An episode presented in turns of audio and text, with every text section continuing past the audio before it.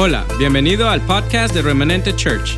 Esperamos que esta palabra te edifique y te inspire a acercarte a Dios. Disfruta el mensaje. Esta mañana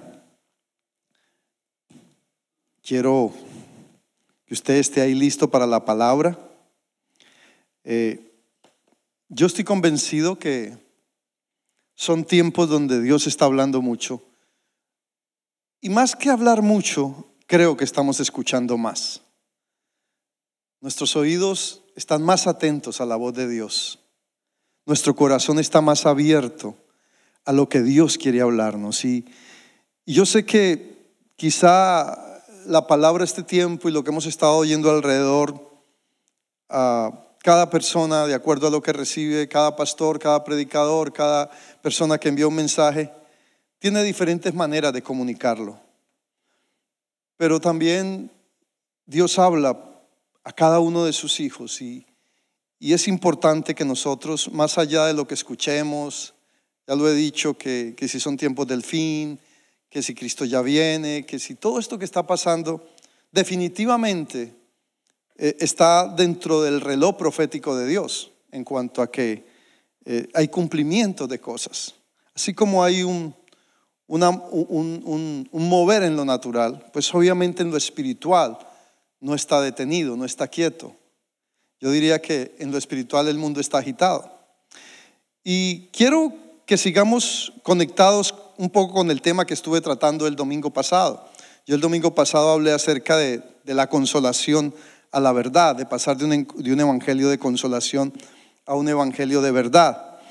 Y pero quiero hacer más énfasis en cuanto a la verdad, porque cuando estamos hablando de la verdad, ¿a qué nos referimos? ¿A qué se refiere la palabra? Creo que Dios tiene puesto el dedo en este tema, en este tema de la verdad. Es lo que Dios me ha estado inquietando fuerte y le ha estado hablando a otros hombres de Dios, porque como siempre lo he dicho, yo no creo que la revelación sea exclusiva de nadie. La revelación es para los hijos de Dios y los misterios fueron revelados a todos los hijos de Dios. Eso es lo que la palabra dice en Efesios ya no hay misterios. Pero debemos entender lo que esa verdad significa para nosotros los hijos de Dios. Y estaba haciendo un repaso hablando de la necesidad de pasar de un evangelio de consolación a un evangelio eh, de transformación, de un evangelio de consolación a un evangelio de transformación, de que la verdad de Cristo nos libere y nos transforme. Esa verdad que libera nos transforma.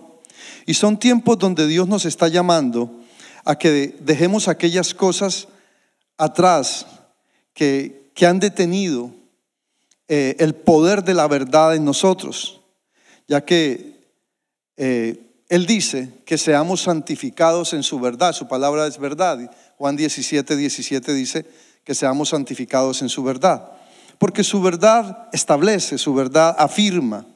Así pues que necesitamos establecer y fundamentar en el corazón la verdad de Dios. Y lo decía hace ocho días, en cuanto a Zacarías 8:16, que es tiempo de juzgar con la verdad. Es tiempo de que, dice, nadie juzgue a su hermano según mentiras, sino según verdad. Y por eso esta mañana quiero hablarte de la verdad que transforma.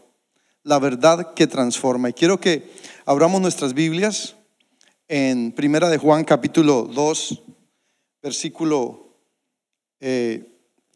4, eh, vamos a leer hasta el 6, Primera de Juan.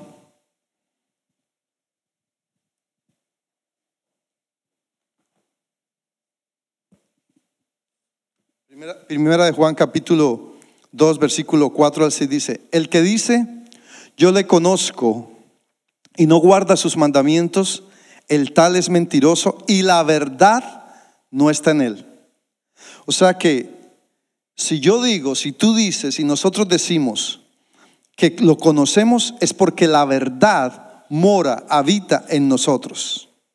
Pero el que guarda su palabra, en este verdaderamente el amor de Dios se ha perfeccionado. El que guarda su palabra, en este verdaderamente, el que guarda su verdad, en este verdaderamente Dios se ha perfeccionado. Por esto sabemos que estamos en Él.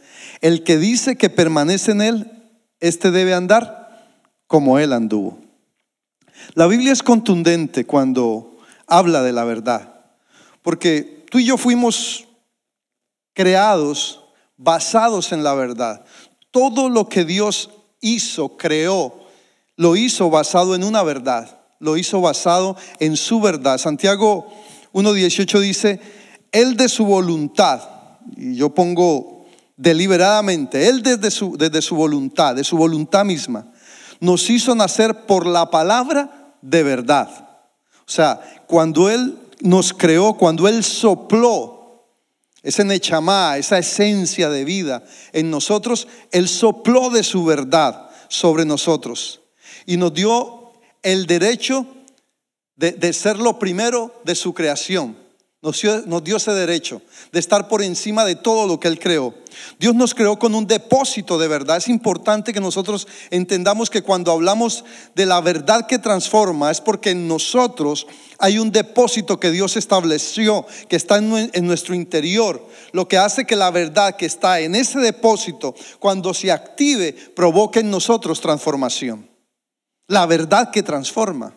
Cuando esta verdad que ha sido implantada eh, que en nuestra vida, cuando está diciendo que el que camina en su amor es porque contiene la verdad, el pasaje que leíamos es porque nosotros manifestamos y crecemos en esa verdad que fue depositada en nosotros. Y al crecer, dice también que somos perfeccionados, o sea, vamos, vamos yendo a una medida de madurez, creciendo conforme a la estatura misma de Cristo. Efesios 4:13 lo dice, hasta que todos lleguemos a la estatura de un varón perfecto, de un varón maduro. Vamos siendo perfeccionados en esa verdad. Esa verdad es implantada. La verdad, cuando nosotros venimos a Cristo, y, se provoca en nosotros el nuevo nacimiento, lo que sucede es que la verdad de Dios viene a ser implantada. Dice que nosotros recibimos la palabra implantada en nuestros corazones, eh, eh, Santiago 1.21.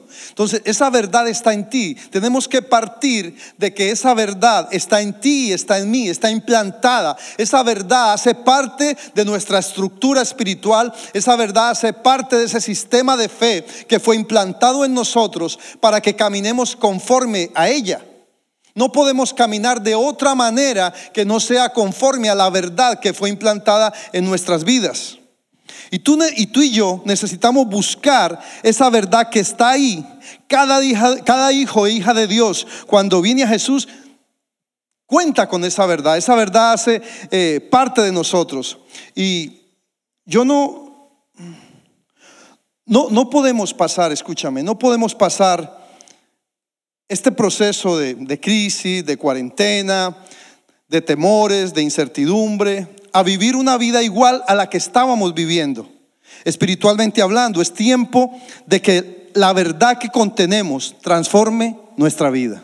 Es tiempo que tú y yo nos dispongamos. Escúchame esto, iglesia. Es tiempo que tú y yo abramos nuestro corazón y pensemos por un momento, ¿cómo voy a seguir caminando de aquí en adelante? Esto va a pasar, un mes, dos meses, tres, lo que sea. Esto va a pasar. Pero lo importante es que aunque esto pase, seamos conscientes de qué va a pasar con mi vida. Es importante, yo te digo responsablemente, es un tiempo para que tú y yo meditemos en Dios y dejemos que el Espíritu Santo nos hable y nos deje saber y tengamos esa convicción de cómo vamos a caminar de, de aquí en adelante. Vamos a entrar en una etapa donde el cristianismo, escúchame esto, quiero ser un poco claro en esto que voy a decir y quiero que estés bien atento.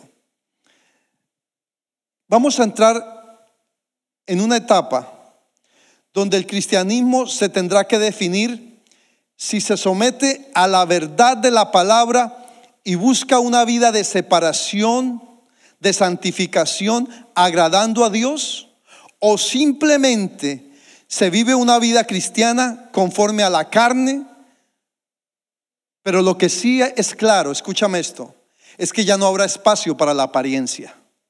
La iglesia no podrá seguir viviendo en, un, en una forma de apariencia va a estar muy definido realmente quién camina en Dios y quién no camina en Dios.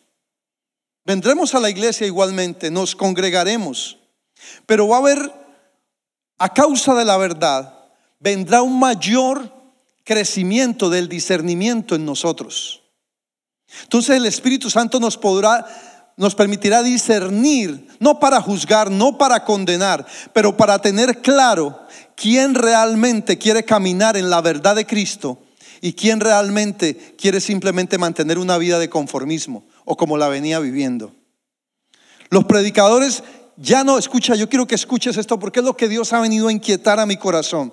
Y no quiero que lo mires como una manera de juicio, quiero que lo mires como una manera de Dios llamándonos, haciéndonos un llamado a que nuestra vida sea transformada, a que la verdad que Él implantó y por la que Cristo murió en la cruz sea liberada en nuestra vida. Y los predicadores ya no podremos traer un mensaje que solo consuele o alivie cada domingo, sino que debemos buscar verdaderamente la dirección del Espíritu Santo para traer la palabra que salga de la boca de Dios y que transforme a aquel que se sienta al frente a escuchar. Nuestro mensaje tiene que ser un mensaje que libere, un mensaje que transforme, un mensaje que active la verdad por el poder del Espíritu Santo, que active la verdad que ya ha sido depositada desde el principio en nuestros corazones y que está diseñada para transformar.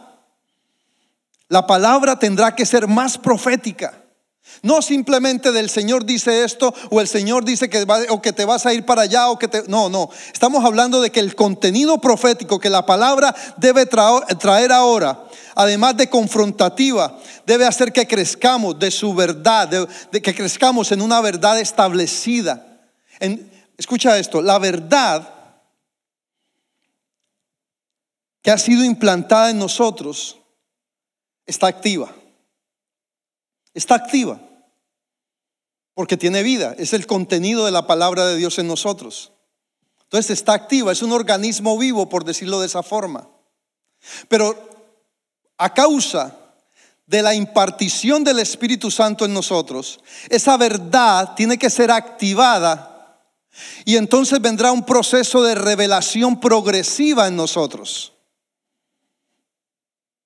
Y a causa de esa revelación en nosotros, caminaremos y creceremos a una mayor estatura de fe, a una mayor estatura de madurez, de tal forma que esa verdad que se nos fue entregada, al transformar nuestra vida, nosotros seamos un testimonio que impacta, que influye, que, crea un ambiente de vida donde quiera que vayamos. Y entonces salvación se manifestará en otros. Esa es nuestra responsabilidad delante de Dios. Y quiero decirle algo más todavía, que es lo que Dios ha estado hablando a mi corazón. Es tiempo de que la verdad de Dios en cada hijo de Dios, en cada cristiano, especialmente aquellos que llevamos años, esa verdad venga y produzca un trabajo de transformación donde ya yo no tenga que depender, y quiero que entienda esto que le voy a decir porque necesito que escuche esto con atención. Es tiempo de que se acabe tanto proceso de liberación y sanidad interior en aquellos que llevamos años en el Evangelio Déjame explicarte esto. Eso está bien para la gente nueva, para la gente que acaba de llegar, para la gente que está entrando en un proceso de sanidad y, formación. Pero aquellos que llevamos años en el Evangelio, que hemos sido expuestos a esa palabra, que hemos recibido esa revelación de Dios, es tiempo de que se opere una transformación. ¿Por qué? Porque en el momento que el poder de la verdad sea liberado en mi vida, en mi corazón, habrá una transformación donde todo aquello que me lastimó, donde todo aquello que me dolió, donde todo aquello que me dañó, donde a todo aquello que ha atesorado en cuanto a dolor, en cuanto a traumas, en cuanto a dificultad, será quebrantado por el poder transformador de la verdad impartido por el poder del Espíritu Santo. Amén. Di amén en tu casa.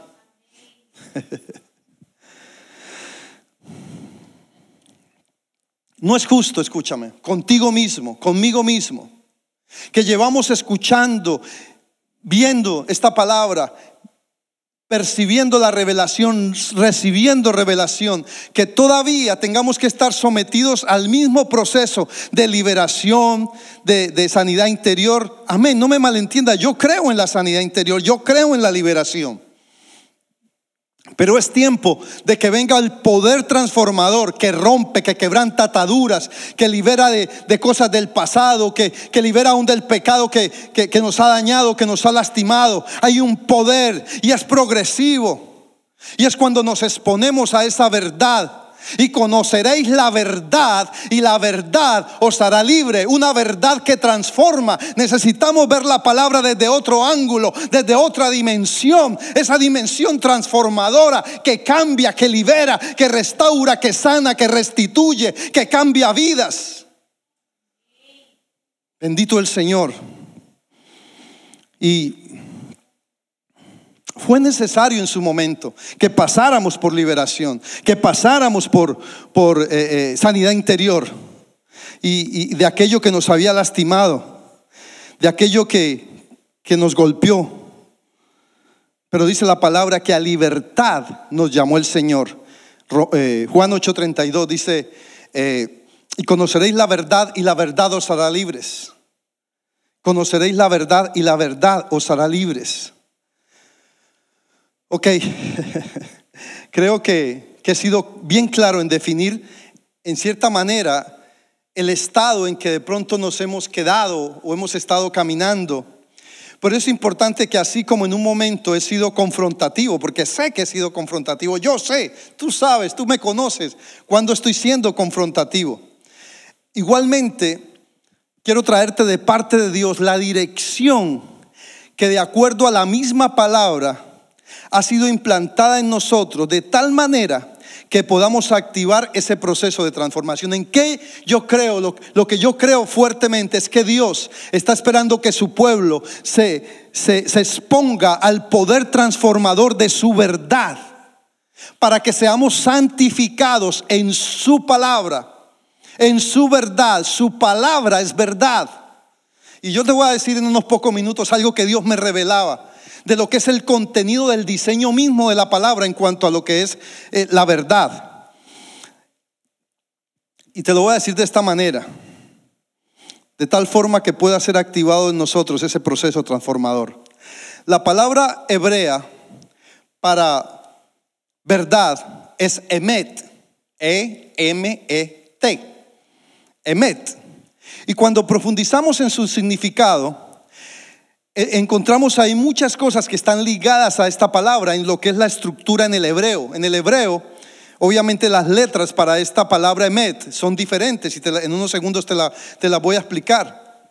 Y vamos a poder profundizar más. Escúchalo. La palabra emet contiene tres letras hebreas. Usted sabe, el, alfabeto hebreo. Quiero que esté bien atento a esto. Y ojalá coja papel y lápiz, porque esto que le voy a decir es muy importante y va a ser revelador. El hebreo tiene 22 letras. Cada letra, lo he dicho, tiene un valor numérico y un, valor gramatical y un, significado gramatical. El hebreo del principio era un hebreo jeroglífico de figuras. Era, era, era un hebreo pictórico. Y dentro de cada letra había un diseño.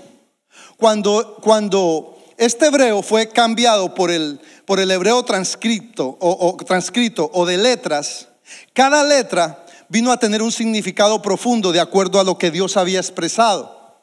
Y es interesante, que, y esto lo podemos ver en la misma palabra, cómo esta palabra emet, que tiene tres letras, la primera letra es la letra Aleph, la segunda letra es la letra emet, y la tercera letra es la letra Taf del alfabeto hebreo.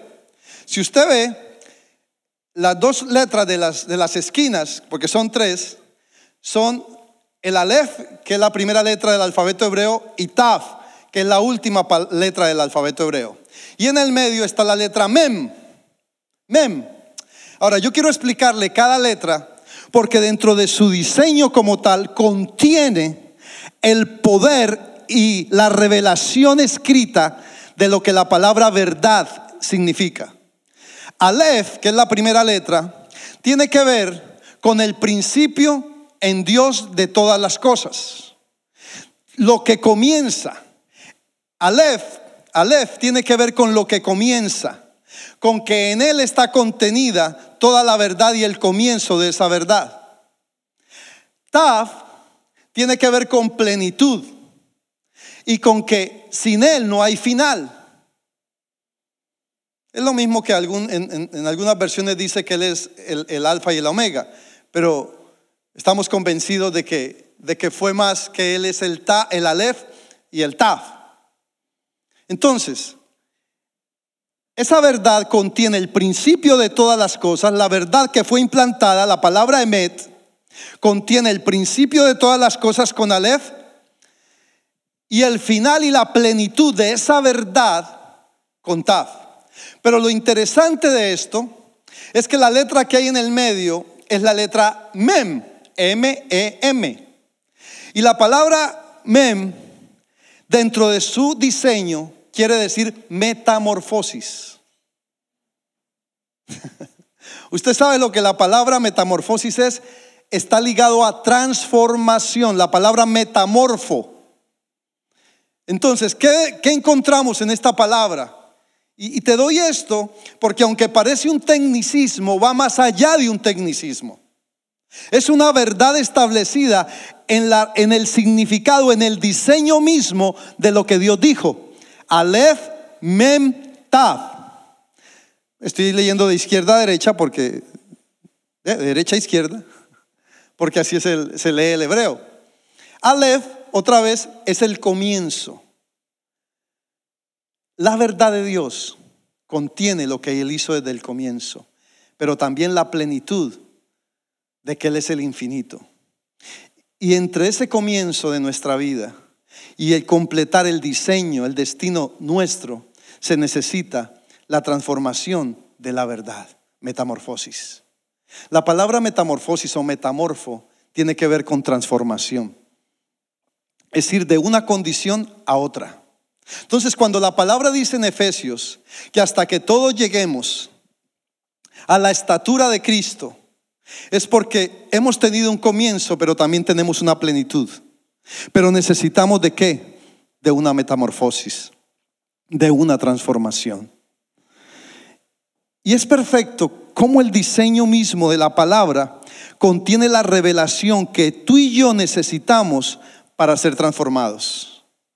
Entonces, esa palabra verdad es más que simplemente una, un tema de gramática o un tema de, de de logo tiene un contenido que salió de la boca de Dios que cuando Dios la pronunció, la palabra verdad, emet o alef mentav, tenía el propósito y la vida misma, porque dice que sus palabras son espíritu y son vida, y la vida misma para que esa palabra se implante en nosotros.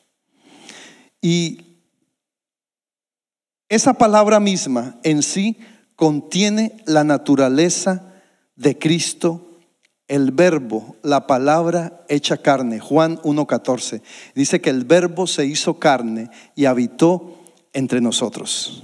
Entonces, cuando esa verdad cobra vida, Cristo cobra vida en nosotros. Y la palabra verdad, también dentro de su significado pictórico o jeroglífico, como te lo decía, habla de algo que se aferra que se adhiere, la verdad que debe ser la fuerza que se pasa de una generación o que se pasa a la próxima generación, donde un grupo más grande hace más fuerte o se hace más fuerte que uno solo. ¿Qué significa? Que yo, un individuo, nada hago solamente conteniendo una verdad, sino la traspaso a la próxima generación. Porque al pasarla a la próxima generación me estoy multiplicando y estoy multiplicando la verdad. Lo que nos lleva a pensar, ¿qué le vamos a pasar también si no establecemos la verdad transformadora en este tiempo y con todo lo que estamos viviendo? ¿Qué le vamos a heredar a la próxima generación? Quizá, con todas las circunstancias, nos tendremos de pronto que gastar todo lo que hemos ahorrado y habrá provisión. Entonces no es un tema de cosas materiales, no es un tema de, de dinero cuando hablamos de herencia, es un tema de verdad transformadora. Esta es la oportunidad para que establezcamos la verdad que transforma nuestra vida y podamos proyectarla a la próxima generación. Para que también sea una generación transformada. O sea que transmitiremos la próxima, esta verdad a la próxima generación, a nuestros hijos, a nuestros nietos. Y déjame decirte algo, quizá tú estás esperando que te dé una fórmula para que esto cobre vida o para que esto suceda en tu vida, punto uno, punto dos, punto tres. Pero es más que esto, es más que una fórmula, es entender lo siguiente. Quiero que entiendas lo siguiente ya para casi terminar. Bueno, mi primer término. Quiero que entiendas esto. La información que recibimos de la palabra, quieras o no, se deposita en nuestro espíritu. Quieras o no, esta palabra que yo estoy lanzando ahora, aún a través de este medio, se está implantando en tu espíritu porque la palabra de Dios es espíritu y es vida.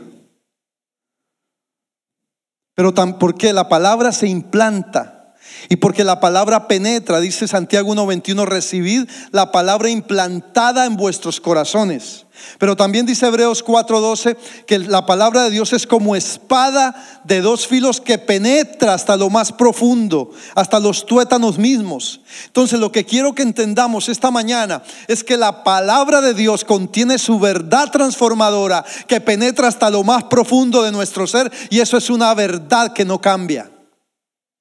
En segundo lugar, que tú y yo necesitamos empezar a obedecer la palabra para que comience a provocar formación y que suceda, y, qué sucede, perdón, a partir de la información, empiezo a activar vida. Mis palabras son espíritu y son vida. En tercer lugar, necesitamos buscar a Dios en intimidad. Primero, que la información que estoy recibiendo, la palabra, se implanta en mi ser. Segundo, que necesitamos obedecer la palabra, esa palabra implantada para provocar formación y entonces empezamos a activar vida. En tercer lugar, necesitamos buscar a Dios en intimidad para que la presencia del Espíritu Santo traiga impartición a nuestro ser y esto provocará transformación. Juan 4:24, es necesario que le adoremos en espíritu y en verdad. En otro lugar, en cuanto, es cuando la verdad se hace carne. Cuando esto sucede, cuando recibo, dejo que la palabra se implante, cuando empiezo a obedecerla, cuando entro en intimidad con el Espíritu Santo, viene esa impartición.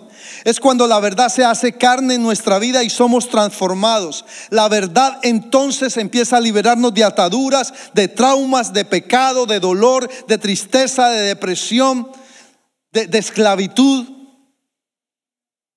de temores. Gálatas 5.1 dice, estar siempre libres con la libertad con que Cristo os hizo libres. Ahora, ¿qué pasará después de esto? Quiero, llevarte a otro punto. Gálatas 4.19 dice el apóstol Pablo que sufría dolores de parto. Hijitos míos, dice Pablo, por quienes sufro dolores de parto hasta que Cristo sea formado en vosotros. Entonces, ¿qué significa? Déjeme explicarle. ¿Cómo opera? ¿Cómo, ¿Cómo va a funcionar esta verdad que transforma? Porque, iglesia, no podemos volver a ser los mismos. Iglesia, no podremos seguir llevando una vida cristiana liviana y pasajera. Iglesia, no podemos seguir con un pie en el pecado y un pie en el Señor. Tenemos que dejarnos arropar, permear, absorber por esa verdad que transforma de tal manera que nuestra vida cambie, que dejemos el pecado, que aquello que no agradaba a Dios sea quebrantado en mi vida, que yo tenga la fuerza, la autoridad, el dominio propio, el fruto del Espíritu en mi vida, de tal manera que represente a Cristo, que represente un evangelio de vida, un testimonio que transforma, un testimonio que hace que las cosas cambien a mi alrededor y en mi vida, en mi casa, en mi diario vivir. Necesitamos vivir un cristianismo de día a día. No un cristianismo semanal, ni mensual, ni anual. Necesitamos un cristianismo diario. Y entonces, ¿qué va a suceder? Que la información que recibo, escúchame, cuando empiezo a obedecerla, va a provocar formación en mi vida. Cuando esa formación empieza a implantarse en mi ser, Viene esa presencia del Espíritu Santo a causa de mi búsqueda, porque estoy obedeciendo la palabra. Buscadme mientras puede ser hallado, dice la palabra. Si mi pueblo me invocare y orare, dice que Él oirá y se convirtiera de sus malos caminos, Él oirá desde los cielos. Es eso, es entrar en esa dimensión de información, formación, impartición. Cuando eso sucede, entonces lo próximo que definitivamente sucederá, sucederá en tu vida y en mi vida, será una transformación y será quebrantado todo aquello que te esclaviza, será quebrantada toda atadura, será quitado todo velo, serás liberado, serás transformado, serás restaurado, serás sanado será restituido por el poder de la verdad transformadora de Cristo en nosotros. Ese es el Evangelio para hoy. Y entonces sí, Seguiremos adorando, seguiremos viendo milagros, pero a causa de vidas que caminan conforme a la verdad, que provoca naturaleza, que provoca vida, que provoca cambio, que transforma mi mente, cambia mi pensamiento, me quita del estado de, depresión, de baja autoestima, me convierto en un hombre y una mujer que cree en el poder restaurador de Cristo y entonces proclamamos la obra que Él hizo en la cruz. Y no tendremos miedo y le traeremos una solución a la gente. Porque hoy en día todavía la iglesia ve los enfermos, pero no oramos por ellos. Todavía ve los endemoniados, pero no oramos por liberación. Todavía ve la gente quebrantada y deprimida, pero no hacemos nada. Y teniendo la solución en nuestro ser, el poder de la verdad transformadora, necesita ser liberado, necesita activarse para que las cosas cambien. Yo creo en esa palabra, yo creo en esa verdad, yo creo en la transformación de esa verdad. Y el Señor quiere que tú dejes que sea implantada en tu mente, en tu corazón, en tu cuerpo, en tu sangre. Y entonces amaremos en y de verdad. Primera de Juan 3:18. Efesios 4:15 dice que creceremos en amor, en la verdad. Tercera Juan dice que Tercera de Juan 4 dice que traeremos gozo al corazón de Dios. ¿Cuántos quieren traer gozo al corazón de Dios? Tú me estás diciendo amén en la casa, entonces Deja que el poder transformador de la palabra cobre vida en ti, de la verdad de Dios. Seremos aprobados y no reprobados por Dios. Dice segunda de Timoteo que procura presentarte con diligencia a Dios aprobado como obrero que no tiene de qué avergonzarse, que usa bien la palabra de verdad. O sea, que si yo no quiero ser reprobado, sino que quiero ser aprobado, uso bien la palabra de verdad. Ahí está claro. Yo te estoy hablando palabra, no he hecho sino hablarte palabra en toda este, esta prédica.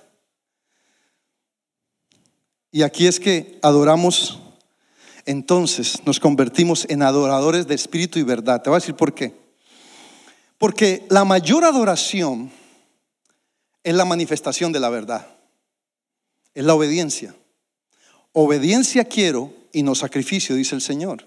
Entonces, cuando nos reunamos a adorar, la próxima vez que podamos estar juntos aquí y adoremos y tú dejas que esta palabra se implante en tu corazón y se manifieste esa verdad transformadora. Oh, yo, yo, yo anhelo ver la gloria que veremos de una iglesia transformada. De una iglesia donde los niños, los jóvenes, los adultos, los ancianos han dejado que ese poder transformador cambie su vida y ya no estemos ligados a la mediocridad, al pecado, a la carnalidad, a la rabia, al enojo, al resentimiento, a la falta de perdón, sino que definitivamente caminemos por esta palabra, la cual es verdad. Y es tiempo, iglesia, de honrar la verdad que Cristo nos entregó. Esa verdad que fue implantada, aquella verdad con que fuimos creados, porque Él dice que nos creó con verdad y para lo que fuimos creados. Veremos un mundo que nos cree y nos respeta. La gente necesita ver una iglesia, tú y yo somos la iglesia, que vivimos lo que predicamos para creernos, así de sencillo. Que si hablamos de amor, amemos. Que si dice que es pecado juzgar, entonces no juzguemos. Así de simple, así de simple se obedece la palabra, sí y no. Que si dice que la hipocresía es pecado, entonces no lo hagamos. Que si dice que la murmuración es pecado, pues entonces, ¿por qué murmuramos? Si dice que es pecado. Es simple, la palabra es tal cual, no le hay que añadirle nada.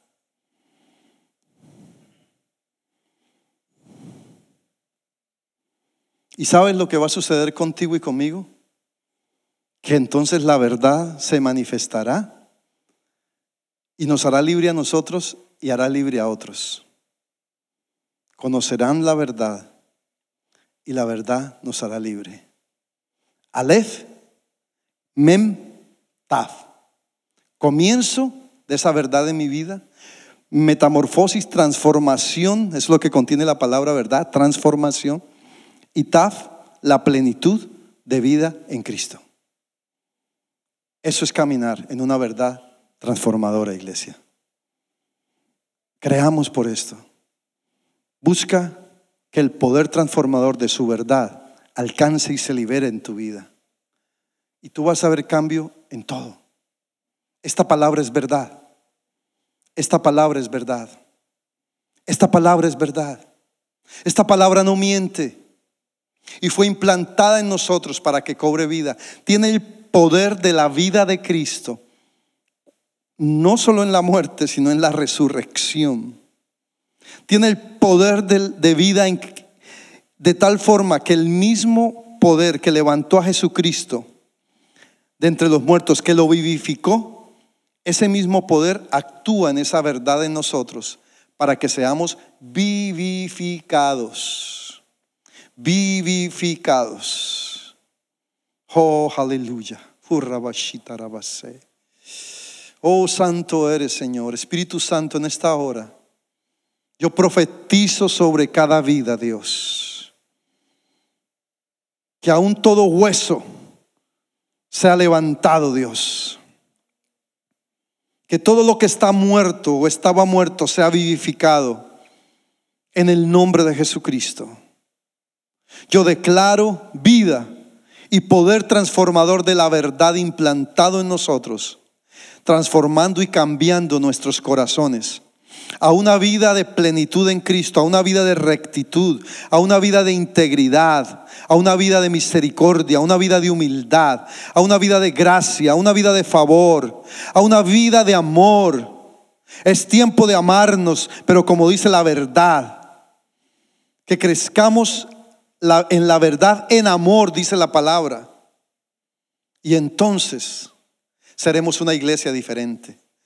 Y más que diferente, seremos la iglesia que Cristo anhela, por la que murió, por la que Él el día que, estaba clavado en la cruz anhelaba y soñaba ver, por la que hoy Cristo quizá dice desde los cielos, quiero ver la iglesia por la que he muerto.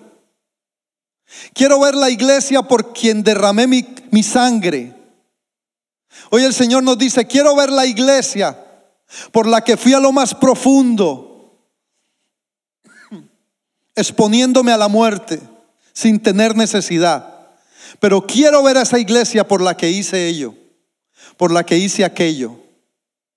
Y esa iglesia somos tú y yo. Aleluya, Señor. Padre, venimos delante de ti esta mañana. Y declaro que la verdad que tú implantaste en nosotros no espera más para cobrar vida. Yo te pido, Señor, que tu Espíritu Santo esta mañana toque nuestros corazones de una manera especial. De tal manera que no nos resistamos a esta palabra, que no nos resistamos a esta verdad. Que cada palabra que yo solté esta mañana sea entendida en la mente y en el corazón de cada persona que la ha escuchado, Señor. Que tu Espíritu Santo, Señor, traiga el convencimiento porque solamente será tu Espíritu quien imparte y transforma. Venimos delante de ti, nos humillamos, Señor. Y aún te pedimos perdón si no hemos honrado tu verdad, Señor. Si hemos hecho más honra a la mentira o, a las situaciones o al pecado, perdónanos, Señor. Pero hoy, Dios, queremos caminar en tu verdad. Tu palabra es verdad santifícanos. En el nombre de Jesús. Te bendigo iglesia, yo sé que esta ha sido una palabra un poco atípica de las que suelo dar, pero es lo que Dios está hablando este tiempo. Estoy convencido de eso. Siempre he traído una palabra y llegará el momento de, hacerlo de nuevo. Quizá diferente, pero Dios me ha estado hablando claramente de que es un tiempo de, de confrontarnos unos a otros en Dios, no, no de confrontación de, de conflicto, sino en Dios, con la palabra. O sea, es como poner la plomada.